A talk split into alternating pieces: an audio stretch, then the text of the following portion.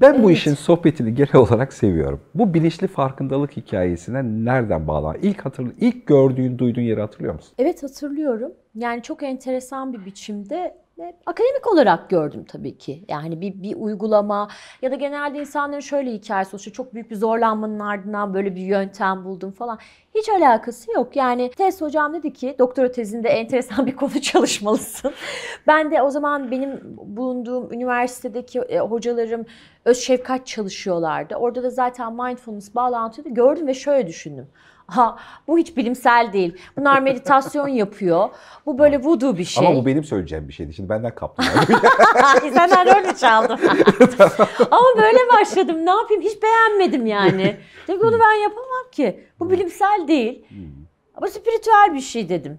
Yani ve öyle yani. Ve ön Nerede kırıldı peki ya da yani Ya başka konu bulamadım. Gerçeği ifade etmek daha orijinal bir konu bulamadım. güzel. Bak provokatif gelebilirim demiştim. Sen benden provokatif ya ama yani ne yapayım işte. Kendi kendimi provoke ediyormuşum. Ve yani bazen diyorum ki gerçekten de ben onu bulmadım. O beni buldu. Çok spiritüel bir şey söyleyeyim burada. bazen öyle gerçekten de öyle oluyor. Ve e, İlk nasıl ele aldın? Akademik olarak nasıl akademik ele olarak ele aldım. Tamam Önce nasıl okudum. nasıl sorguladın Valla mesela? önce dedim ki bir okuyayım. Yüzlerce makale indirdim ki o dönemde bu kadar çok çalışılmıyordu mindfulness. Şimdi, şimdi çok çok fazla kaynak var. Bütün kitapları Amazon'dan getirttirdim. Zaten Türkçe kaynak yok. Hepsini getirttim, okumaya başladım. Ve yani o zaman anladığımı düşünüyordum. Çok enteresan şöyle bir şey oluyor ya hani yani bildiğin kadarını anlıyorsun. Ama bu olayı bitirdim ben anladım diye düşünüyordum. Ya o kadar çok yani hani bizde de şöyle bir şey var. Yani yabancı kitap olunca hani bir, yani orada bir yabancı isim yazınca hani iyi yazılmış gibi geliyor. Ve o kadar çöplük bilgi okumuşum ki. Tanımlar vardı. Sadece tanımlar. Mindfulness nedir? Şahane ezbere tanımlayabilirim. İşte mekanizmaları nelerdir? Şahane ezbere tanımlayabilirim. Yani mindfulness aslında tabii çok deneyimsel olan bir şeyi. E, dolayısıyla kitaplar kavramsallaştırmaya çalışıyor. Ben kavram okuyorum, kavram biliyorum. Mindfulness hakkında birçok şey biliyordum. O aşamadan sonra. Yani doktora tezimi sunduğum anda birçok şey biliyordum. Tezin konusu tam başlığı neydi?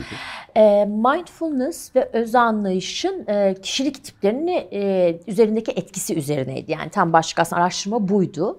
Öz anlayışta çalıştım. Öz anlayışta o zaman öz şefkat yani. Öz şefkat ve mindfulness'ın e, bireylerin kişiliği üzerindeki etkisine bakmıştım. E, ve e, yani oldukça akademik tabii yani doktora tezi böyle olur. Sonuçta bir yani bir araştırma yapıyorsun. Ve güzel güzel bir araştırmaydı ve iyi iyi bulgular çıktı. Yani öz anlayışın çok çok önemli olduğu öz şefkatin. E, mindfulness'ın da öyle. Yani sağlıklı olmayla, sağlıklı bir ruh haliyle, sağlıklı olarak tanımladığımız e, bir kişilikle ilişkili olduğuna baktık. Ama biz tabii şeye baktık. Yani ruhsal yatkınlığa baktık. Hani bir eğitim verip değişime bakmadık açıkçası. E, biz zaten öyle olan kişilere baktık. Zaten olan öyle olan kişilerin yani ruhsal olarak e, daha sağlıklı bir kişiliğe sahip olan kişilerde mindfulness düzeyinin daha yüksek çıktığı, öz şefkat düzeyinin daha yüksek çıktığını bulduk efendim. o araştırmada tabii ki. Tamam yani. oradan o zaman artık döndün oradaki viraja. Yani dedim ki bu iyi bir şey. Günün sonunda şey bu iyi bir şey, bu işe yarar bir şey. Buna ben kendim ikna oldum. E çünkü birçok da araştırma okudum. Sadece bunu ben bulmadım tabii. Birçok bulmuş olan araştırma vardı aslında. Evet. Yani ama yani doktora tezini böyle yaptın. Ee, Evet. Ve yani oradan yürüyen aynı zamanda akademik olarak Türkiye'de bunun sınırlarını bilgiyle sınayan nadir insanlardan bir Tek. tanesisin sen. Valla ilk ben yaptım. Şimdi benim burada bir Hiç nadir. İlk ben yaptım ama şimdi nadir değil bir sürü kişi yapıyor tabii ki. O dönemde kimse çalışmamıştı yani. Ya şimdi Mindfulness. ben reklamcıyım. Hani genel olarak iletişim iletişim akışlarına bakıyorum. Yani kavramlar, algılar olarak insanlarda nasıl karşılık buluyor, zihindeki durumları vesaire falan falan. Ve yani hani açık beyinde biz bilgi üretme, derleme, e, türetme, seçme bunlarla ilgilenmeye çalışıyoruz. Bu şey demek yani birilerine bilgi sunarken bizim denetimimizden, süzgecimizden geçmiş olması gerekiyor ve az önceki konuştuğumuz başlıkların önemli bir kısmı benim algılayışımda yani genel olarak algılayışta spiritüel alanın içerisinde kalan bilgi gruplarına giriyor ve benim seçmekte çok zorlandığım gruplar onlar. Bir taraftan e, yani içinden kötü koku da gelmiyor. Hani bazı taraflarda okey enteresan şeyler var ama genel olarak baktığımızda yani havuzun kendisine baktığımızda %80'ini çer çöp dolduruyormuş gibi görünüyor o, içeriklerin kendisini. O yüzden bilgiyle bu konuyu sınamış birini görünce benim için o falan yani hani havai fişeği festival ya çok iyi. Yani bilgiyle bunu sınamış olma ya da düzgün bir bilgisayar sorgulamayla bu hikayeyi getiriyor olma en çok o tarafını merak ediyorum. Yani e, bunu sayısal olarak ya da nitelikli bir akademik sorgulamanın içerisinden geçmiş bir soruyla geldiğinde nasıl görünüyor bizdeki şeyde? Şimdi spiritüelliği ne diye tanımladığımıza bağlı. Ruhsallıkla ilgili her şey spiritüeldir. Yani manevi olan her şey spiritüeldir. O zaman ben bir ruh sağlığı uzmanı olarak yani spiritüellik benim ilgi alanım içine de girer. Ama mesele şu. Yani bireyler birkaç kelime e, dağarcığında yani sanki bir sözlük var, bir spiritüel sözlük var. Bu kelimeleri cümle içinde kullanıyorlar. Yani hani o anlamı yok, mekanizması yok. Yani nefes iyi gelir. Peki kardeşim niye? Yani neden iyi geliyor? Ben yapma, direnç. Yani bunu sorarsan da direnç oluyor. Meditasyon yap, iyi geliyor. İyi de ne yapacağım meditasyonda? Gözlerini kapat, odaklan. Yani e, bunu yaptıran kişinin e, yaptırdığı kişiden çok daha fazla bilgi sahibi olması gerekiyor. İnsanın ruhsallığın işleyişine dair birçok bilgi, tek bir perspektiften bilgi değil. Yani ben sadece mindfulness bilerek mindfulness eğitmeni olamam. İnsanın fizyolojisine, beyinde, beyninin yapısına dair bilgisi olması gerekiyor. Eğer araştırmadan bahsediyorsan araştırma okumayı bileceksin. yani bir bilim adamı şöyle bir şey yapmıştır bu etkili demekle olmaz. Yani bahsettiğin şeyleri bahsettiğin kısmından çok daha fazlasını sen bilmek zorundasın. O zaman işte laf safsatası ve sadece iyi olun, işte nefes alın verin, hayat güzel, işte böyle bakın, şöyle bakın gibi tavsiye ve öğütlerin ötesine gider. İnsanlara ne yaptığını söylemek hiç kimsenin haddine düşmemiş. Yani bu ruh sağlığı uzmanı da olsa. Biz ne yapacağını Evet. söylemiyoruz. Ne yapacağını söylemek daha doğrusu. Hocam bu mesela bu konudaki en çok rahatsız olduğum şeylerden bir tanesi. Bu tarz içeriklerin iyileştirmeyle çok birbirlerine yaklaştırılması. Yani toplumsal iyileştirme yani kişinin kendisinin bir hastalıkla tanımlanması ve onu iyileştirmeyle alakalı vaatleri barındırarak ilerliyor olması e, başka bir havuzun işiymiş gibi geliyor ve orası düzgün denetlenmediğinde çok sağlıksız bir potansiyel çıkıyormuş gibi geliyor. E, yani tehlikeli de buluyorum oradaki hikayeyi. Yani sadece spiritüel konunun e, şey alanı değil. Yani kandırıyor musun alanı da değil. Yani bir birçok insan işte kanserden bilmem nereye kadar birçok şeyle alakalı bunlarla bağlantı kuruyor kolaycı bir yöntemle.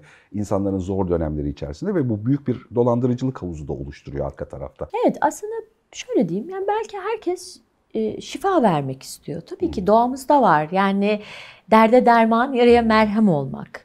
E, şifacı olmak istiyor. Evet ama yine daha önce de söylediğim bir şey söylemek istiyorum. İnsanlar sadece bildiklerini kadarını anlayabiliyorlar. Şimdi e, bir insanın ruhsallığının ne kadar komplike ve karmaşık olduğunu bilirsek bir iki tanı veya bir iki tedavi yönteminden ya da kendimizce şifa yönteminden daha büyük bir genelin, daha büyük bir bütünün olduğunun farkına varırız.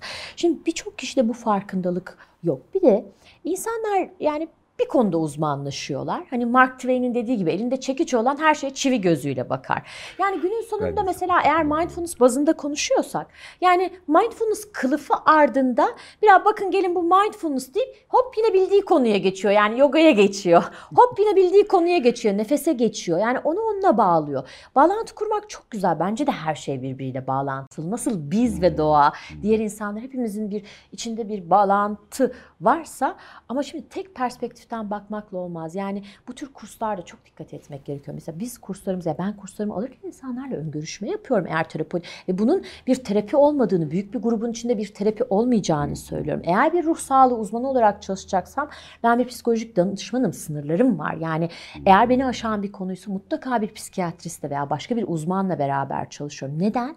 Çünkü diğerlerinden daha iyi niyetli olduğum için değil, diğerlerinden daha çok komplikasyona dair bilgim olduğu için, neler olabileceğini bildiğim için ve yaşadığım için.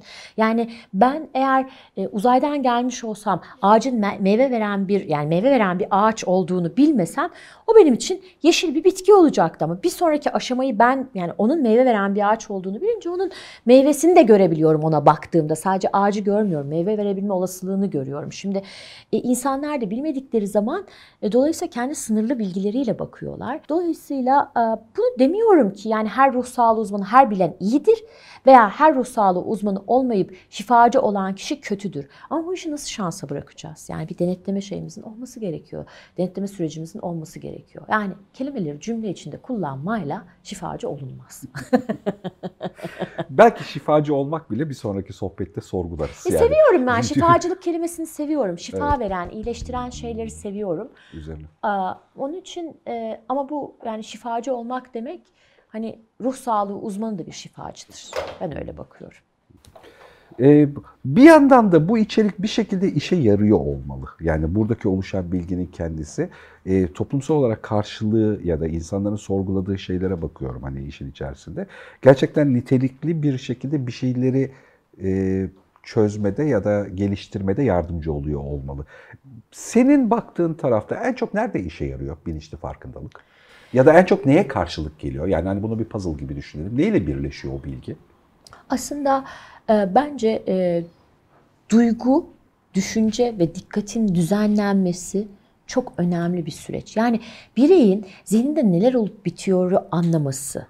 Çünkü hep şöyle bir kelime geçiyor. Kendini tanı, kendini bil, kendine dön. Ziyan Hoca mesela çok kullanır. Kendini Evet. Kendini bilmek açık beyinde çok... Kendini bilmek. Evet. E, ama yani biz kendimizi ne kadar bilebiliriz?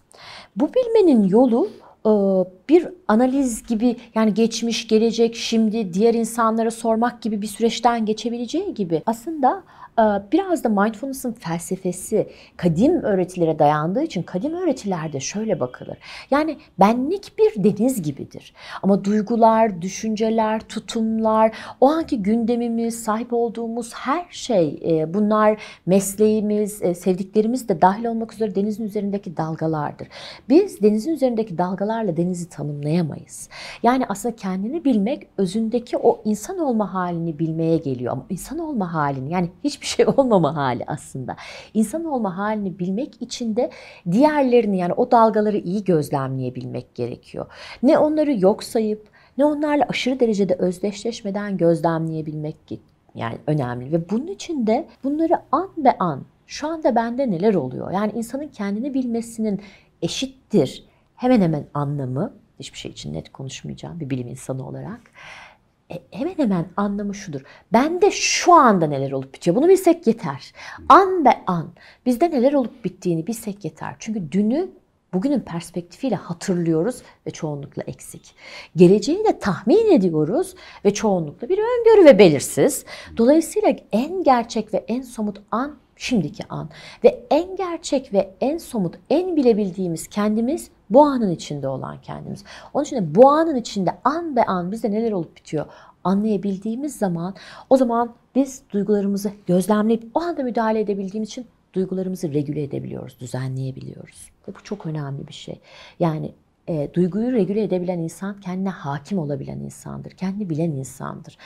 Düşüncelerimizi gözlemleyebiliyoruz. Kafamızın içinden geçenleri, onları bir mantık süzgecinden geçirebiliyoruz. Onlar üzerinden direkt davranmıyoruz. Bunların birer varsayım olduğunu anlayabiliyoruz.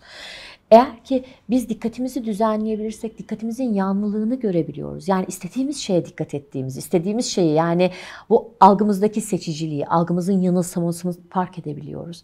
Ve şimdi ve burada gerçekten de tüm benliğimize temas edebiliyoruz. Ve bedenimizi fark edebiliyoruz. En önemlisi o ben dediğimiz şey bedenden ayrı değil. Yani burayı boş verelim. Bu zaten kendi kendini idare eder.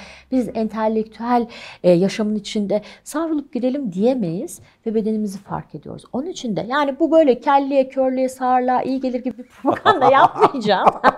Stresinizi azaltır, kaygınızı bilmem ne yapar. Temel mekanizmaları söylüyorum. Bütün bu mekanizmaların sonunda aslında birçok şeye iyi gelir ama iyi gelmek zorunda değil. Yani mesele şu.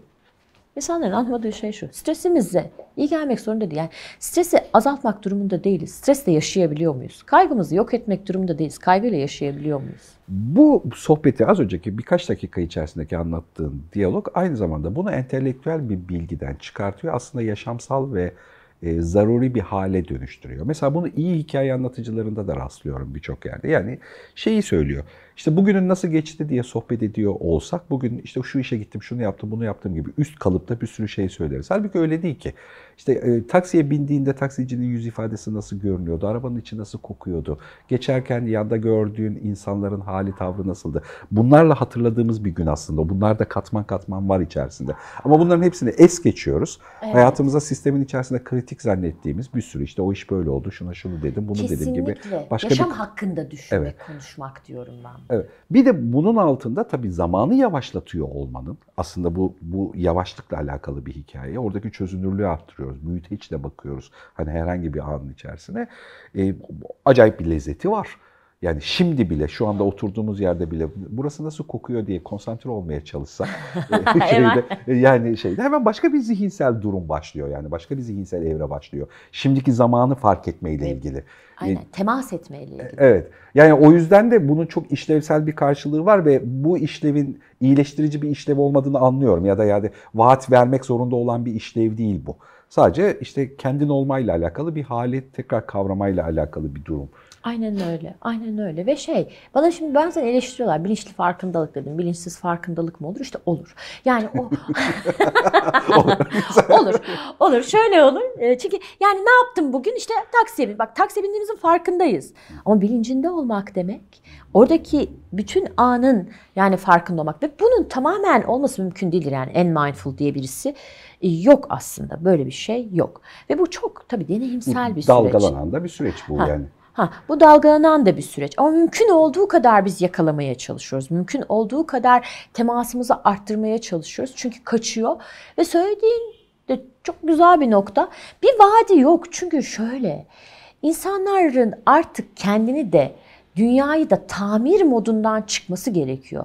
Yani tamirci gibi herkesin elinde bir araç, kiminde çekiç, kiminde işte İngiliz anahtarı, Çok kimin önemli de bir şey söylediğini düşünüyorum gerçekten. ya tamir etmekten bırakın ya, bırakın, bırakın. Sadece yaşamaya bakın. Yani iyi ve doğru bir şekilde yaşamaya. Herkes her şeyi tamir etmeye kalkıyor. Kendimizden başlayan sürekli bir tamir etme süreci. Elbette ki aksaklıklarımızı görmek, düzenlemek çok önemli ama yaşamın amacı tamamen tamir etmeye dönüştüğünde yaşamı yaşayamıyoruz bu sefer. Travmalara ve tamir etmelere. Yani devamlı her şey bir travma ve her, Her şey, şey onu, bir- onu düzeltmeyle ilgili geçen bir süreçmiş gibi algılayınca doğru söylüyorsun yani bu. Yani kimse bu- kendini yaşamın kaldırma kuvvetine bırakamıyor artık.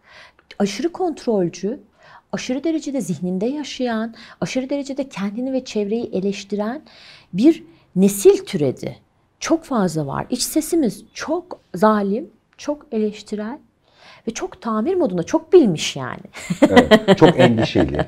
Yani E tabii. hani iyilik Çünkü hata kötü- olacak, yanlış olacak diye. E, iyilik ve kötülükle alakalı sıklıkla konuşmak zorunda kalıyoruz alanın içerisinde. Evet. Bunu hani tanımını güncel şekilde yapmamız gerektiğinde mesela kötülükle ilgili söyleyebildiğim tek şey endişe ve korkusuyla baş edemeyen insanın oluşturduğu içerik.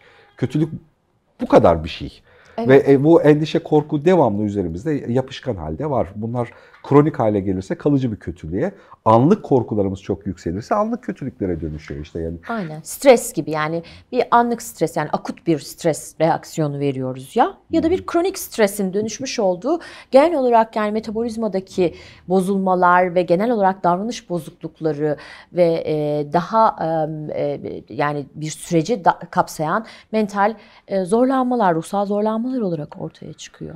Elbette ki. Bazı bilgi parçalarına bir sonraki kuşakta kalıcı öğretilerin içerisine gireceğini zannediyorum. Hatta Kesinlikle. burada e, bunu şimdiden üniversite eğitimlerinin içerisine enjekte etmek gerektiğini düşündüğüm şeylerden bir tanesi. Var. Bunlardan bir tanesi mesela şu bütüncül yaklaşım mevzusu. Bu arada bütüncül yaklaşım mevzusunun teorisini çalışırken Dünya Sağlık Örgütü bile sağlıklı olmayı böyle tanımlamış. Bunu keşfedince birden huylanıyorsun yani hani konuda. Aslında çok yaygın bir şey. Yani be- az önce sohbetin arasında geçti. Yani bedeninden ari ayrı olamazsın. Bedenin, zihnin ve duygusal halin üçü birlikte bir bütün. Bunun şakasını yapıyoruz içeride. Yani çişin varsa zekan 60 IQ yani dikkatin dağınık çünkü yani ister istemez Tabii ki. konsantre olamazsın. Bu Tabii kadar ki. bedeninle bir bütün. Yani hiçbir şey homojen değil. Duygu halin homojen değil, zekan homojen değil, bedenin de homojen değil. Aynen. Bu mesela böyle. Bilinçli farkındalık hikayesi de böyle. Yani düzenli olarak mesela masada ne yiyeceğine değil de ağzında ne yediğine konsantre olabilme becerisi, damak tadına aldığın hazla vesaire. Bu doğal bir sonraki kültürün diyelim hani bu evrimleşmenin e, doğal bilgi parçalarından bir tanesi olacakmış gibi görünüyor. Aynen öyle. Bu akademik olarak artık e, sorgulanır, biçimlendirir hale geldi değil mi? Yani, Kesinlikle. Kesinlikle. Şimdi yani dünyada bakın üniversite dediniz Almanya'da 32 üniversitede ders olarak işleniliyor mindfulness. Dünyadaki birçok Milli Eğitim Bakanlığı öğretmenlerine bunu banko yani veriyor ve özellikle İngiltere'de, İngiltere'den başlayan mesela Hollanda'da eğitim sistemi içinde müfredata geçmiş durumda mindfulness. Yani çocuklara şu öğretiliyor. Kendilerini kendilerini sakinleştirebilme becerileri, duygularını regüle edebilme, dürtüsel reaksiyonlardan daha yanıtlara geçebilme. Çünkü yani dünyada akran zorbalığı, e, yeme problemleri, e, ondan sonra kaygıyla ilişkili problemler aldı başını gidiyor ama bunları onları tamir ederek yapamayız. Söylediğim gibi bütüncül bir yaklaşım. Yani bizim bedenimize de bakım vermek için ya da bir mental duruma yani bir zihinsel moda, zihinsel duruma gelebilmemiz gerekiyor. Bedenimizi fark etmemiz gerekiyor. Şu idrak olmuyor. Yani birisi ne kadar işte sağlıksız görünüyorsun ya da e, testleri elimize aldığımızda bazen yani aniden bir hani bir bir, bir farkındalık geliyor ama ama o vakte kadar bedenimde neler olup bitiyor bilmiyor insan. Yani susadığınızı hissettiğiniz zaman zaten çoktan susuz kalmışsınızdır. Yani olmadan önleyici yaklaşımları, dünyanın yöneldiği, ruh sağlığında yöneldiği şey bir şeyler olduktan sonra tedavi etmek, o e, işte tedavi edici moddan, tamir edici moddan çıkıp iyi bakım vermekten geçiyor. Benim bir problemim yok, aman her şey yolunda e, demek değil. Yani bir problemimiz olması gerekmiyor mindfulness'la ilgilenebilmek için. Yani şunu açıklayınca hani yanlış anlaşılmasın. Kaygı, stres, zorlanmadan muzdarip olan kişiler için bu da bir ilaçtır gibi değil.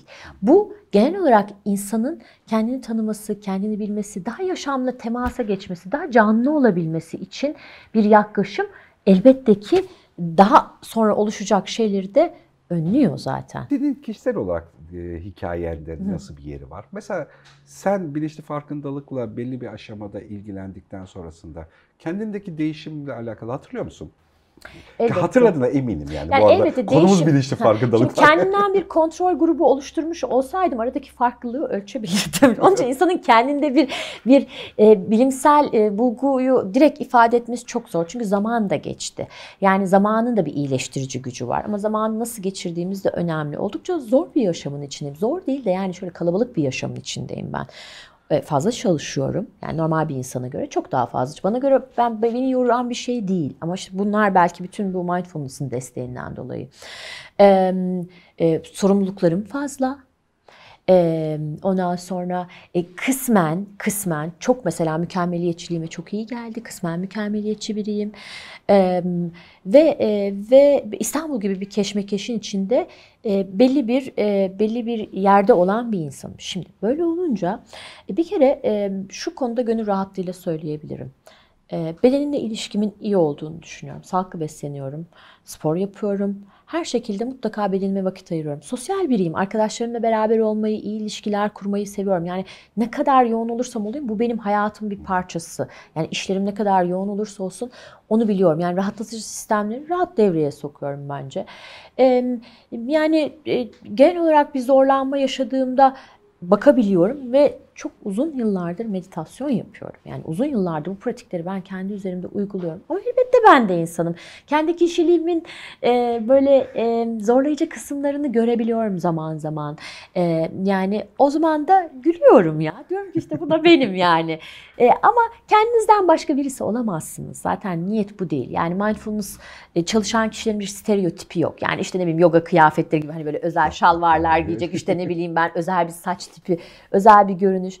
Bireyler ancak kendi bağlamında mutlu olabiliyor. Biz kendi özümüzden çok öteye gidemeyiz. Ama bu kendi özümüzü nasıl algıladığımız, nasıl yaşadığımız, nasıl deneyimlediğimiz de çok önemli. Kendi özümden öteye gittiğimi düşünmüyorum. Ee, Yani Bu beni değişik bir insan haline getirmedi. Ama yaşama yaşama biçimim, olayları algılama biçimim, yaşama bakış açımla ilgili bence bir sakinlik. Çok hızlı olmama rağmen. Bu arada yani mindfulness hep sakinlik sakinlik diyoruz. Ben çok son derece hızlı bir insanım. Hızlı konuşurum, hızlı giyinirim, hızlı iş çıkartırım. Yani e, hemen yaparım. Mesela çabuk böyle iş bitirici bir halim var. Ama buranın içinde tuhaf bir sakinliğim olduğunu düşünüyorum. Yani işler karışmıyor, elim ayağıma dolaşmıyor. Neydi? Yavaş yavaş acele etme. evet, evet. Yavaş ve hızlı olmak aynı zamanda. Fast and slow diyorlar ya öyle bir şey var. Yavaş ve hızlı. Bu dönemle alakalı mesela e, Açık Bey'in izleyicileriyle beraber onların içerisindeki yorumlardan, davranışlardan gördüğümüz, geriye aldığımız geri dönütlerin içerisinde belli temel başlıklar var. Bunlardan bir tanesi mesela anlam yaratmada, anlam hikaye grupları dağıldı son dönemde biliyorsun yani o büyük kavramların hemen hepsi yeniden sorgulanır oldu. Ülke neydi, devlet neydi, sevgi neydi, nefret neydi falan diye. O hikaye gruplarının tümü dağılınca yeni anlam gruplarına ihtiyaç duyuyor insanlar. Anlamlarını, amaçlarını bulmakta zorluk çekmesi. Mesela çok tuhaf bir şekilde bu sadece seküler ya da seçkinci bir grubun hikayesi değil artık. Toplumun ciddi geneline yaygın bir konu yani üniversite sürecinden başlıyor. Sonrasındaki 50-60 yaşındaki insanlara kadar bu soru hep sıklıkla sorulabiliyor. Kendi amacını bulma, yaşam amacını, yaşam devamlılığını bulma hikayesi. Ee, çok yüksek bir sirkülasyonun altında kalma. Az önceki anlattığın hikaye yani nerede yaşa, Trabzon'da da yaşasa öyle yani tuhaf bir sirkülasyonun içerisinde devamlı evet. gözünün önünden bir şey geçiyor. Ben onu şeyle analojisini kuruyorum ölmeden önce gözümüzün önünden geçecek filmi seçemiyor. Yani hani hangisini seçsin? Hangisi yani ne yaşıyor? son, son kare e, bir şey geçmesi gerekiyor ama hangisi derken hangisi? ölüp gidiyor. Aynen öyle ve e, yani e, çok yüksek içerik tüketicisi ya, herkes ya. artık. Yani hani gözünün önünden gerçekten hepimizin binlerce saatlik film geçiyor. Yani film, dizi, içerik, görüntü vesaire falan. Herkes için yani sosyal medya kullanan herkes için aynı hikaye. Bunların hepsi bir davranış sorununa dönüşüyor. Ve pratiklere baktığında mesela üniversite eğitimi yani sen de sürecin içindesin, için, Tabii. işin içindesin. Neredeyse dağıldı gibi bir şey, bir tuhaf hale geldi yani. yani üniversiteyle alakalı pandeminin de getirdiği etkilerden bir tanesi. E, düzgün o üniversitedeki bizim bizim zamanımızın olduğu yani lineer bir hatta bir yere doğru giden hatta aldı. Hani o içinden çocuğun bir şey yaparsa bir şey çıkarabileceği, çocuk bir şey yapmazsa üniversitenin onu akıtamadığı bir sürece geldi. Böyle tuhaf bir hale geldi tabii, falan. Tabii çok uzun süredir. Üniversite misyon değil, vizyon kazandırmak için. Çok evet, uzun evet. süredir lisans eğitimi misyon değil, vizyon kazandırıyor. Mesleğe dair bir şeyler öğretiyor. Meslek hakkında. Yani bu hakkında meselesine ben çok takılıyorum. E, çünkü biz yaşam hakkında öğreniyoruz. Ondan sonra bir dil öğren mesela bizim ben e, şeydim İngilizce öğretmenliği olarak başladım ilk kariyerime. Yani İngilizce öğretmenliği okudum. Bir gittim çalıştım. İngilizce hakkında bir şeyler öğretiyoruz. Yani şimdi İngilizce budur, bu da bunun hakkında bir şeylerdir gibi. Güzel tarif bu. Bıraktım bu işi ben yapamam yani. yani belki ben yapamadım. Ama yani ruh sağlığı hakkında e, işte mühendislik hakkında, ondan sonra işte e, ne bileyim ben işte hayatın anlamı hakkında. Şimdi bu hakkındalık meselesi önemli, bilgi önemlidir ama beceri de çok önem kazandı. Yani devir beceri çağı, bilmekten yapabilmeye geçen bir nesil yetişmek zorunda. Yani popülasyon, eğitimin çok ulaşılabilir olması, artık herkesin o kaynağa ulaşmış olması ve ulaşabilmenin tek yolunun aslında e, örgün eğitim kurumları olmaması Artık bilgiyle ilgili açığı kapattı ki ve de bir kirlilik de var tabii ki. Hangisini alacağız, hangisini Bu dönem sanki o geçiş dönemi kafa karışıklığı hikayesi. Ee, az önceki sohbetin devamını tam da bu söylediğin şeye bağlayacaktım. Artık bilinçli farkındalık gibi bir bilgi grubuna belirgince bu yüzden ihtiyaç duyuluyor. Yani hani yani ne sorunu yaşıyor insanlar diye baktığımızda tabii ekonomik sorunlar yaşıyor. Bunları göz ardı etmiyorum ya da. Tabii işte, tabii yani gerçek. Yaşamı, yaşamın yani gerçek. Tırnak içinde yaşamın gerçekliğiyle ilgili problemler var zaten. Var ama bunun dışında yani bu gerçekliğe büyük ortak küme yapan yani mesela çok ciddi sayıda anne çocuğunun tabletle geçirdiği vakitten rahatsız ve çözüm bulamıyor. Yani böyle bir ortak tuhaflık yaşıyor. Şimdi bu tuhaflık bir yandan yaşamın gerçeği dediğimiz havuca da giriyor. Bir yandan bizim işte e, entelektüel sorgular dediğimiz bölüme de giriyor. Ama bu bir sorun. Yani çocuğa eskiden alışveriş merkezi içerisinde sorun çıkartan çocuk şimdi uyuşturulmuş gibi bir koltuğun içerisinde tabletle beraber duruyor. Boğuştan buğuca geçti. Bu, buğuca geçti yani böyle bir şey. Hayatımızın tümü bu modeldeki gibi. Bunu bir analoji gibi kullansak hayatımızın tümü bir ayağını bir gerçekliğe öteki ayağında bu sanal gerçekliğe diyelim dayadığımız tuhaf bir geçişte. Burada bu yeni bilgilere ihtiyaç varmış gibi görünüyor ama bu bilgilerin güvenilir bir seviyede ele alınmasına, elden geçirilmesine ihtiyaç varmış gibi. Herkes reçete istiyor. Şimdi özellikle Evet. katıldığım anne baba toplantılarında hep çocuğum şunu yapıyor ne yapmalıyım? Bir kere reçete vermek işte hakkında bilgi vermektir. Yani şunu yap. Bunu yap demek yani ezbere bağlamı bilmiyorsun, ortamı bilmiyorsun, anneyi tanımıyorsun, çocuğun huyunu tanımıyorsun. Bu araştırma böyle dedi. Yani hangi kiminle yapıldı? Çoğu da Türk topluluğunda yapılmış araştırmalar değildir bunlar. Yani araştırma örnekleri de çoğunlukla yani bambaşka bir kültürün içinde. Çünkü çocuk yetiştirme tamamen kültürel bir mesele yani aslına bakarsan. Oradan devşirilmiş araştırmalarla bunu yap, bunu yap. Bunun iki tane nedeni vardır, bunun beş tane nedeni vardır gibi şeyler söyleniyor.